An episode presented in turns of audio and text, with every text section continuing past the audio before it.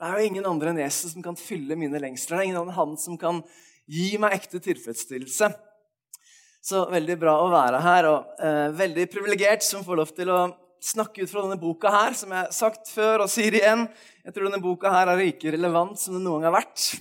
Når jeg var tenåring, så var det veldig populært å ha sånn inngravering i bibelen sin. Og da husker jeg, Det kom jeg på når vi sang denne sangen. her, Da hadde jeg inngravert 'Matpakka til Arild'. Eh, sto det på bibelen min 'Matpakka til Arild'. Jeg har hatt mange bibler siden den gang. Eh, og tror og mener virkelig at vi som, som, tror på Jesus, bør være noen som leser i Bibelen. Eh, og ikke fordi vi må, ikke fordi å lese Bibelen gjør oss mer kristne, men hvis vi leser i Bibelen, så skjønner vi mer av hvem han er, hva han har gjort i livet vårt, hva han ønsker å gi oss. Eh, så en gang så kalte man kristne de leserne, de som leste. Så la, oss, la det være matpakka vår.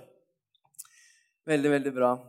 Du, eh, jeg har fortalt uforskjellige budskap de gangene jeg har vært her. og De to, to, siste søndagene jeg var her, så var det egentlig ganske praktiske, konkrete budskap som har vært vanskelig for meg egentlig å snakke om også, for det var så praktisk. og eh, Jeg skal ta et steg tilbake i dag eh, og tro at alltid evangeliet er praktisk. men et steg tilbake. Jeg skal snakke under, over, overskriften 'Hva ser du?' Jeg hørte en gang en historie om en skoprodusent som var på jakt etter nye kunder. Så Skoprodusenter ønsker seg nye kunder. og Det var nok en del år siden, det her, men de bestemte seg for at de ville sjekke ut områdene i øyene utafor Australia. Skulle sjekke der om kanskje vi kan selge noen nye sko der ute. Så de sendte ut to konsulenter for å sjekke om hvordan markedet var. Konsulentene reiste rundt på øyene, og de reiste på de samme stedene. De så de samme tingene og skulle komme tilbake på kontoret til sjefen og avlegge rapport. Den første eh, konsulenten trapper opp på kontoret til sjefen og sier Kjære sjefer, som man pleier å si til sjefen sin. ikke sant? Kjære sjefer, det er ingen vits i å prøve å selge sko på de øyene, for det er ingen som bruker sko. Så det er bare, det er ingen som bruker det. Er ingen, det er ikke noe vits i å prøve seg engang. Så var det konsulent nummer to sin tur. Han hadde sett de samme tingene, sett de samme folkene, de samme stedene. Går inn på kontoret, og han sier også, 'Kjære sjef, det er kjempestore muligheter på de øyene, for det er ingen som har sko.' Det går an å se de samme tingene, men allikevel se noe helt annet. Og hva du ser, det får betydning for hva du gjør. For hva jeg gjør med livet mitt, har betydning for hvordan jeg ser tingenes tilstand. Hadde skoprodusenten fulgt rådet til mann nummer én, så var det ikke noe potensial for å selge noe mer sko. Men hadde de eh, fulgt rådet til mann nummer to, så er potensialet kjempestort. For det var masse muligheter. Så spørsmålet mitt i dag er hva egentlig ser du når du ser deg sjøl? Hva ser du når du ser Elvebyen familiekirke? Hva ser du for framtida di? Hva ser du for muligheter som fins? Hvilke utfordringer ser du foran deg? Temaet for denne våren her har jo vært å leve åpne og inkluderende liv for Jesus. Og til og med hvordan du ser på den setningen, får konsekvenser for hva, hva, du gjør med det. Du har kanskje hørt noen ganger hørt en setning av ja, ja, holder den på det greiene der igjen. Eller så kan du tenke et, oi, hva betyr det egentlig for meg å leve et åpent og inkluderende liv for Jesus? Så hva ser du? Så skal vi gå inn i Bibelen litt i dag og sjekke ulike steder hva Bibelen sier om hvordan vi kan se ting. La oss be en bønn sammen. Er du med meg på det? Yes, så bra. Takk, Jesus, at du er her. Takk at det alltid er hele forskjellen, Jesus. Takk for at du er til stede i dette rommet her, og takk at du er nok. Takk for din nåde som, som er så fantastisk fantastisk stor for hver eneste en av oss. Takk at det eneste vi trenger, det er din nåde, Jesus. Takk for hva du har gjort i livet mitt. Takk for din kjærlighet til meg. Takk for hva jeg kan kjenne av tro og håp for framtida, Jesus, for du, for du, er her. Takk for at du er i dette rommet nå. Du kjenner de ulike folka som er her inne. Takk at du veit hvordan uka deres har vært, du vet hvordan helga deres har vært, Jesus. Og jeg ber Gud om at vi i løpet av den neste tida vi er sammen, at vi kan bli oppmuntra av deg, at vi kan få kjenne ditt nærvær, at du kan få snakke til oss, Jesus, sånn som bare du kan gjøre. Jesus. hjelp meg å formidle ordet ditt sånn som du vil, sånn, sånn, sånn at du kan vinne skikkelse i oss, sånn at vi kan ligne mer og mer på deg, Jesus, sånn at vi kan senke skuldrene våre og leve det livet som du har kalt oss til å leve. Avslappa, men målretta, Jesus. Det ber vi om i Jesu navn. Amen. Amen. Jeg må bare si hei, Jon. Er det Jon Hansen bak der? Nei, det var ikke det var bror. Store var bror. Det ligna. Det hadde vært veldig gøy hvis det var Jon, da, men du får hilse til Jon. Jeg jobba sammen med, med, Jon på Konnerud eh, en gang i tiden. Det er fryktelig like. Veldig like. Unnskyld. Digresjon. Det er greit, det. Du, I Bibelen, i 4. Mose kapittel 13 og 14, så får vi servert en historie. Og Hvis du har gått i, i menighet i mange år, så har du hørt denne historien før. Men det er historien om israelittene som flykter fra slaveriet i Egypt. De har flykta, de har kommet seg ut av slaveriet, og så har de kommet til grensen til det lovede landet. Landet som flyter av melk og honning. Eh, og For noen er jo det fantastisk. Jeg er ikke så glad i honning, så jeg vet ikke. Men la oss vite at melk og honning symboliserer noe fantastisk. Det var et fantastisk land som de var kommet på grensa til. Og de skulle inn i dette landet. Men før de kom inn i landet, så beslutta de at de skulle sende tolv speidere inn for å utforske landet. Og De tolv speiderne de går inn i landet og de kikker rundt omkring og ser at vet du hva? dette landet er jo fantastisk. Det er et land som flyter av melk og honning. Det er et fantastisk land som har alt det som vi var lovt, alt det vi har hørt. Det er så bra. Tolv speidere ser det samme, men ti av speiderne de kommer ganske nedtrykt tilbake. For de har sett noe som var så fantastisk. Men de vet, vet hva? det er helt umulig for oss å komme dit. Vi har flykta fra slaveri i Egypt, men vi kommer oss ikke inn i det landet. Vi kan lese i Fjerde Mosbok, vi skal lese et par eksempler, men Fjerde Mosbok 1333 så, så avlegger disse ti speiderne en rapport. Og Der sier de bl.a.: I det landet, i tillegg til at det er fantastisk, så så vi kjempene der også. Anakitten hører til kjempene. I egne øyne var vi som gresshopper, og det var vi i deres øyne også. De hadde sett noe fantastisk, de hadde sett noe bra. De at her kan ikke vi dra. Vi kan ikke gå inn i det landet. Vi har ingenting å stille opp med. Vi kommer oss ikke inn dit. Men det var tolv speidere som gikk inn. Og to av speiderne de så annerledes på saken enn de ti andre. Og det vi skal gjøre i løpet av den tida jeg skal snakke nå, er at vi skal se på hva er det som gjorde at de så annerledes på saken. da? Um, la oss lese sammen fra 4. Mosebok, kapittel 14, vers 5-9. For her er rapporten kommet. Eh, rapporten er gitt, og de har fortalt disse speiderne hvor vanskelig det er at vi aldri kommer oss inn i dette landet. Og Da står det i 4. Mosebok, kapittel 14, og vers 5 til og med 9, så står det følgende.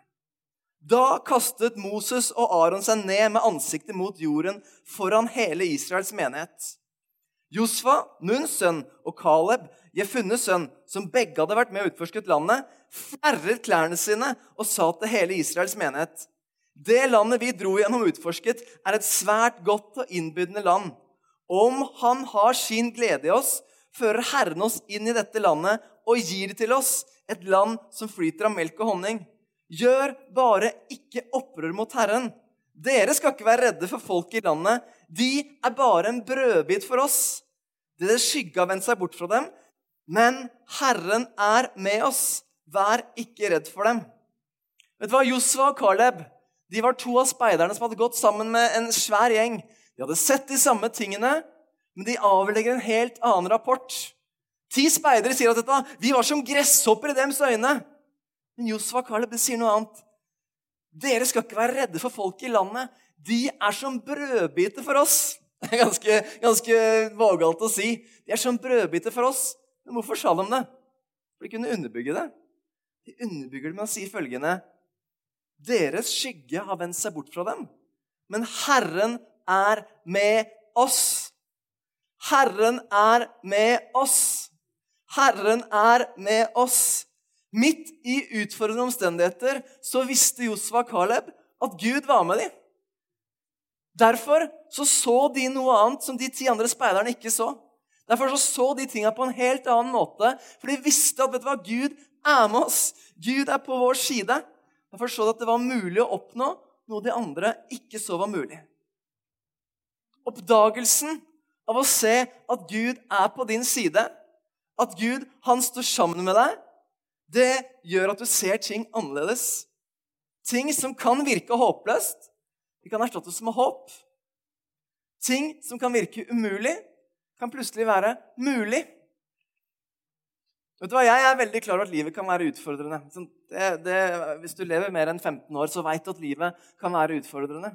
Så veit du at livet kan være kjempeutfordrende. Vet du hva? Hvis vi kan oppleve og se hele tiden vet du hva? Gud er jo med oss. Gud har lovt å være med oss. Gud har lovt å være med alle dager og alle slags dager.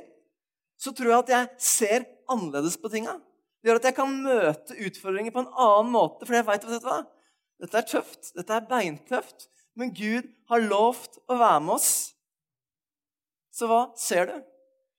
Hvilken retning ser du for livet ditt? Er det noen av dere som liker fotball? Ingen? Ja, Det er lov til å være ærlig i kirken. Jeg vet at I gamle dager så skulle man ikke like fotball. Jeg har skjønt at det har Gud sagt at det er greit nå. I hvert fall sånn jeg skjønner den. Eh, men fotball jeg er glad i fotball. Og er det én ting som jeg har skjønt mer og mer om fotball, så er det ikke det at det er de, eh, de fotballspillerne som nødvendigvis er de raskeste, som er de beste. Selv om det er viktig. Det er ikke nødvendigvis de fotballspillerne som er veldig gode til å drible, som er de beste. Det er ikke nødvendigvis de fotballspillerne som, eh, som har sånn kjempetalent til å skyte, eller sånn, som er de beste fotballspillerne. Men skal du være en usannsynlig god fotballspiller, så må du ha et god, godt overblikk på banen. Du skal vite hva du ser, og hvordan du ser. Og så skal du posisjonere deg på riktig sted. Du skal se de riktige tingene, klare å se spillet og forstå spillet. Og litt på samme måte så tror jeg at du og jeg vi kan være smarte med hvordan vi ser. Vi kan posisjonere oss rett, så vi hele tiden kan minne oss sjøl på at Herren er jo faktisk med oss. Gud er med oss. Derfor har jeg lyst til at vi skal se på tre ting som kan hjelpe oss å posisjonere oss og se riktig. Og det aller første tingen jeg tror at vi må skjønne, er, er en, hvordan ser du på det som Gud har gitt deg? Hvordan ser du og jeg på det som Gud har gitt deg? Første gang jeg var her i høst, og dette repeterer jeg, for jeg er lærer, så jeg vet at repetisjon er bra, så snakket jeg faktisk om hva har du i hendene dine. Derfor vil jeg bare si hvordan ser du på det du har, Gud har gitt deg? La oss lese sammen fra Efeserbrevet, kapittel 1. Efeserbrevet, kapittel 1, og vers 17. Så sier Paulus noe til de som bodde i Efesos. sier han følgende.: Jeg ber om at vår Herre Jesu Kristi Gud, herlighetens Far, må la dere få en ånd som gir visdom og åpenbaring, så dere lærer Gud å kjenne. Må Han gi dere lys til hjertets øyne, så dere får innsikt i det håp Han har kalt dere til hvor rik og herlig hans arv er for de hellige, og hvor overveldende hans kraft er for oss hos oss som tror. Med denne veldige makt og styrke reiste han Kristus opp fra de døde og satte ham ved sin høyre hånd i himmelen. Paulus sier her vet du hva, Jeg ber dere i Efesos at dere skal få opplyste øyne, så dere lærer Gud å kjenne. Man gir dere lys i hjertet. For jeg tror veldig ofte vi kristne så sier vi at ja, jeg veit jo at Gud elsker meg. Jeg, jeg, jeg vet det, og Så, så veit vi det med hodet vårt, for vi har hørt det så mange ganger. Jeg veit at Guds nåde den er nok for meg. Det vet jeg, for jeg har hørt det så mange ganger. Men jeg tror, i hvert fall opplever i mitt eget liv, at det er veldig forskjell fra meg at jeg vet noe intellektuelt. Og ja, jeg har hørt det så mange ganger, så jeg, tror det jo. Til at jeg får en åpenbaring over det. Og, og det tror jeg det Paulus snakker om her. At vi får lys til hjertets øyne. Åpenbaring for meg det er å forstå noe med hjertet mitt og kjenne at vet du hva? Steike, Gud han er jo på min side. Gud han har lovt å være med meg alle slags dager. Men det, det som står i den teksten, her er jo helt fantastisk. Man vil gi dere lys til hjertets øyne, så dere får innsikt i det håp han har kalt dere til. Hvor rik og herlig hans arv er for de hellige. Hvem er de hellige? Er det Guro som er god til å lede møter? Er det de kredo som er så innmari flinke til å synge? De hellige er de som tror på Jesus. Det er de som har tatt imot hans nåde. Det er de hellige. For Det går ikke an å ta seg sammen og være hellig. Hellig blir vi pga. Jesus. Hvor herlig hans arv er for de hellige. Se det er, dette er til deg. Hvor herlig hans arv er for de hellige. Og hvor overveldende hans kraft er hos oss som tror. Hos oss som tror er hans kraft overveldende. Så beskrives den kraften her. Med denne veldige makt og styrke reiste han Kristus opp fra de døde og satte ham ved sin høyre hånd i himmelen. Hvordan ser du på det, det, det Gud har gitt deg? Vet du hva? Den samme kraften som reiste Jesus opp fra de døde, den bor i oss. Ganske hårreisende for dere som har hår. Den samme kraften som reiste Jesus opp fra de døde, den bor i oss. Så kan det jo være dager hvor vi kjenner at ah, jeg kjenner ikke helt den kraften. Jeg skjønner ikke helt hvor Gud er akkurat nå. Jeg skjønner ikke helt hva som skjer med livet mitt, for Gud virker så innmari langt borte. Jeg ber om at vår Herre Jesu Kristi Gud, herlighetens Far, må la dere få en ånd som gir visdom og åpenbaring, så dere lærer Gud å kjenne. Må Han gi dere lys til hjertets øyne, så vi kan se, til og med når vi syns det er litt mørkt rundt oss. Så trenger vi kanskje å minne oss sjøl på at Gud han er jo med meg. Han har lovt å være med meg. Han har gitt meg den samme kraften som reiste Jesus opp fra de døde. Den bor i meg. Kanskje du og jeg må minne oss sjøl noen ganger på hva Gud har gitt oss. Når vi kommer hit til kirken, så tror jeg vi minne oss på det. Når vi synger sanger sammen, så blir vi minna om hva Gud har gitt oss. Men hvis du og jeg kan vite og minne oss sjøl på at Gud er på vår side, så tror jeg at vi kan stå gjennom stormene i livet. Så kan stormene i livet være utfordrende. Så kan vi komme ut på andre sida og tenke at vet du hva, jeg ville ikke vært det foruten. Jeg ville ikke vært det foruten. Og helt ærlig, Jeg fortalte historien min sjøl om når pappaen min døde da jeg var 13 år, og det var kjempetøft. Og jeg, Selv om jeg skulle ønske inderlig at jeg hadde pappa her i dag, så ville jeg ikke vært stormene mine foruten. Jeg ville ikke vært utfordrende i livet foruten, for jeg veit at hadde det ikke vært for de stormene, så hadde jeg ikke vært her i dag. For de stormene har gjort at jeg har måttet bare klamre meg til Jesus og si, 'Jesus, dette fikser jeg ikke sjøl. Jeg trenger deg.' Paulus skriver til de som bodde i Roma i Romerbrevet 8, kapittel 3, Romerbrevet 8, 31 og 32. Hva skal vi så si til dette? Er Gud for oss? Hvem er da mot oss? Han som ikke sparte sin egen sønn, men ga ham for oss alle. Kan han gjøre noe annet enn å gi oss alt sammen med ham? Han sparte ikke sin egen sønn. Han gir gi oss alt det vi trenger. Han vil gi oss alt det vi trenger. Kan vi ikke holde fast på de løftene? Kan vi ikke holde fast på det Jesus har sagt i ordet sitt? Til og med når vi ikke helt ser det. Kan vi si, 'Vet du hva, Jesus, du har jo lovt.' Og Hvis Jesus virkelig var sant Gud og sant menneske, som jeg tror at han var, så forandrer det måten, livet, måten jeg lever livet mitt på. Hvis jeg tror at det ordet her er sant, så forandrer det måten jeg, jeg lever livet mitt på. Jeg er nødt til å leve annerledes. Da kan jeg ikke leve som at han ikke fins. En som heter Craig Shell, han har skrevet en bok som heter 'Den kristne ateisten'. Den kristne ateisten. Og så er undertittelen 'Å tro på Gud, men leve som han ikke finnes'. Eller det gjør du noen ganger sjøl.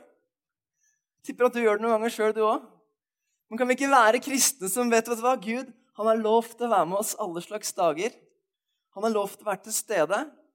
Derfor så vil jeg se på det som Gud har gitt meg, som noe fantastisk. Jeg vil minne meg sjøl på at Gud har den kraften som reiste Jesus opp fra det døde, den bor inni meg. Det har jeg i hendene mine. Det har han gitt til deg og meg. Punkt nummer to som jeg tror vi trenger å se, er hvordan er det vi ser i bakspeilet. Hvordan ser vi i bakspeilet? Mange her inne har førerkort. Altså, kan kjøre bil, har lov til å kjøre bil lovlig. Altså, lovlig, vel. Ganske mange av dere. Det er veldig bra. På kjøreskolen så lærer man at når du skal kjøre bil, så skal du se i bakspeilet stadig vekk innimellom for å se bakover og sørge for at trafikken bak deg går bra. Det du alle vet da, når vi kjører bil, er at vi ikke skal se det bakspeilet hele tiden og prøve å kjøre framover, for da krasjer vi. Hvis, hvis, man kjører bil og sikrer det bakspeilet, så kommer det til å krasje. Det er jo obvious. Etter at jeg har levd en stund, så har jeg skjønt at ganske mange mennesker de lever livet sitt med å se i bakspeilet. De lever livet sitt, og sikrer de mens de prøver å leve livet sitt, så ser de bare i bakspeilet. Så ser de hva som har skjedd på historien sin. Så ser de hva som gikk galt der, hva som gikk galt der, og de tinga som skjedde der. Så minner de hverandre på det hele tiden. At ja, det, det, var forferdelig, ja, det var forferdelig, det var vondt. Så lever de livet sitt i bakspeilet. Vet du hva som skjer med livet da? Du stopper å komme deg framover. Det er derfor Paulus, som, som jeg leste eh, før i dag, som også skriver, han skriver til de i Filipp, Filippi kapittel 3. Filipperne 3. Så står det følgende, et av mine favorittvers i en årrekke. Da skriver Paulus.: Men én ting gjør jeg. Jeg glemmer det som ligger bak, og strekker meg etter det som er foran, og jager fram mot målet, mot den seiersprisen som Gud fra det høye har kalt oss til i Kristus Jesus. Jeg glemmer det som ligger bak, og så strekker jeg meg etter det som er der foran. Ja, men Det som har skjedd bak, det har jo skjedd. Det påvirker jo livet mitt. Ja, det gjør det. Og jeg tror at du, Når du lever livet, så er du nødt til å se i bakspeilet innimellom for å sørge for at vi, at vi ikke sårer mennesker på veien, at vi lever livet vårt sånn at vi ikke ødelegger for folk bare for å komme oss framover. Men samtidig så kan du ikke leve livet ditt med bare se bakover. For du har fått en svær frontrute i bilen, og vi har fått en svær frontrute i livet til å se framover til det som Gud har foran oss så tror jeg noen av oss innimellom kan jo leve det livet i bakspeilet og skylde på alle de vonde tinga.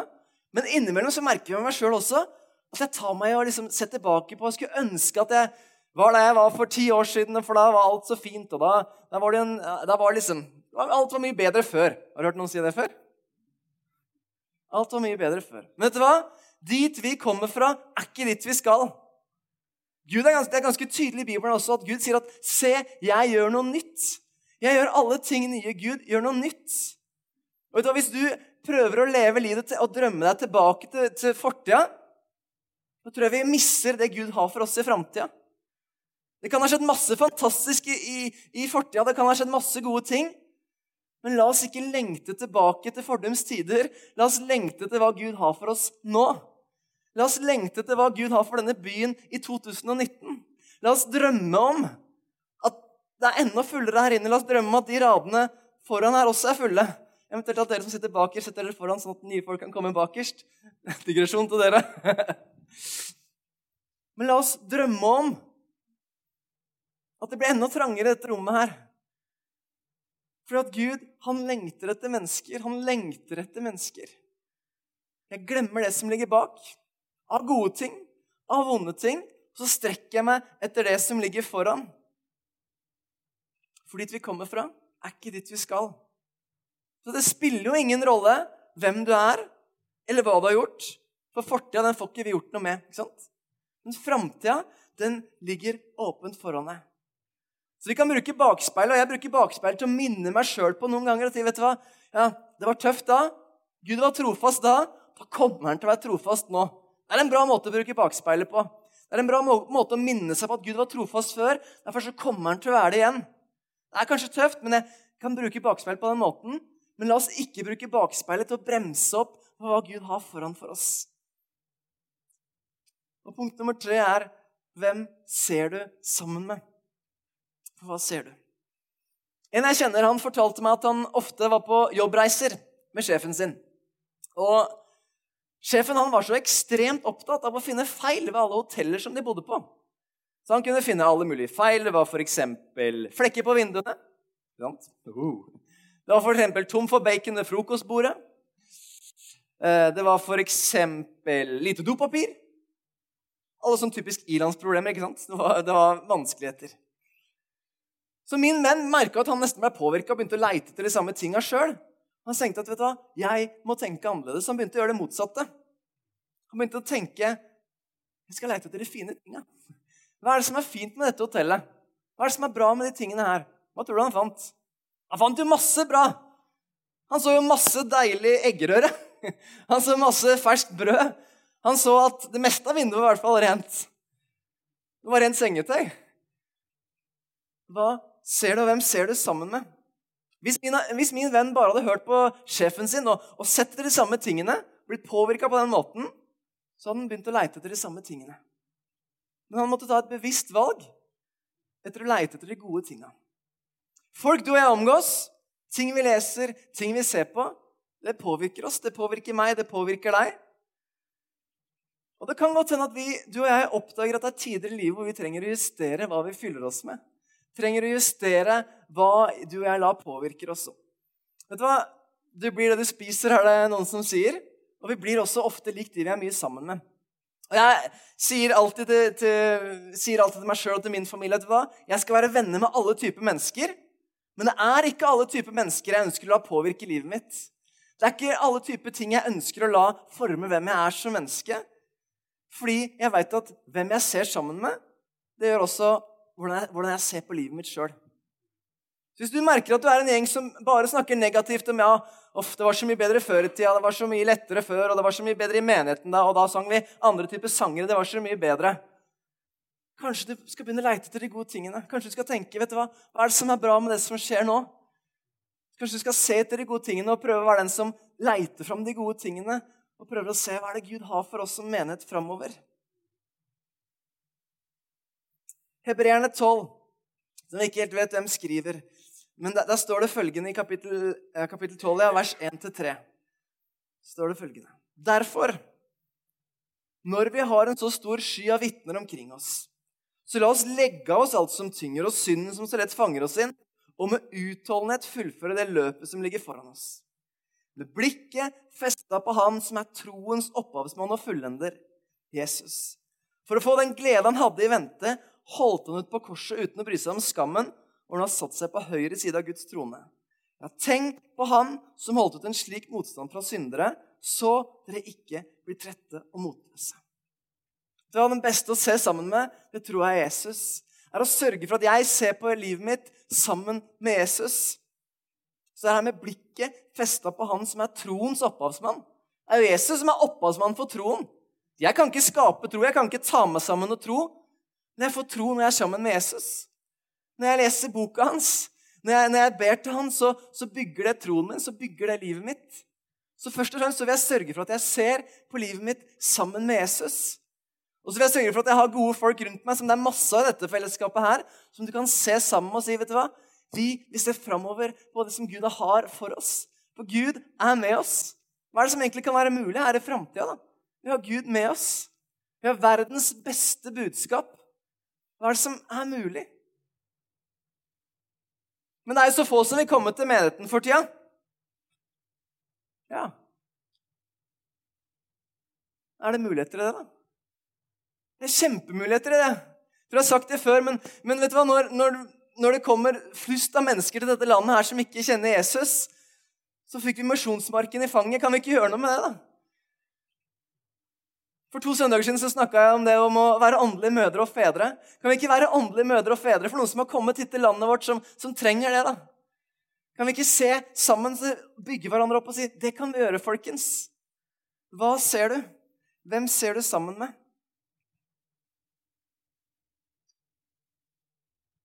Å leve åpne inkluderende liv for Jesus. I Johannes 4 så, så sier Jesus eh, noe i vers 35. Så sier han følgende Dere sier ennå er det fire måneder til innhøstningen. Men jeg sier dere, løft blikket og se på markene. De står alt hvite mot høsten. Løft blikket og se på markene. De står alt hvite mot høsten. Hva er det som gjør at Jesus ser noe som de andre ikke ser? Når Jesus sier det, så står det en kontekst som det veldig ofte gjør i Bibelen.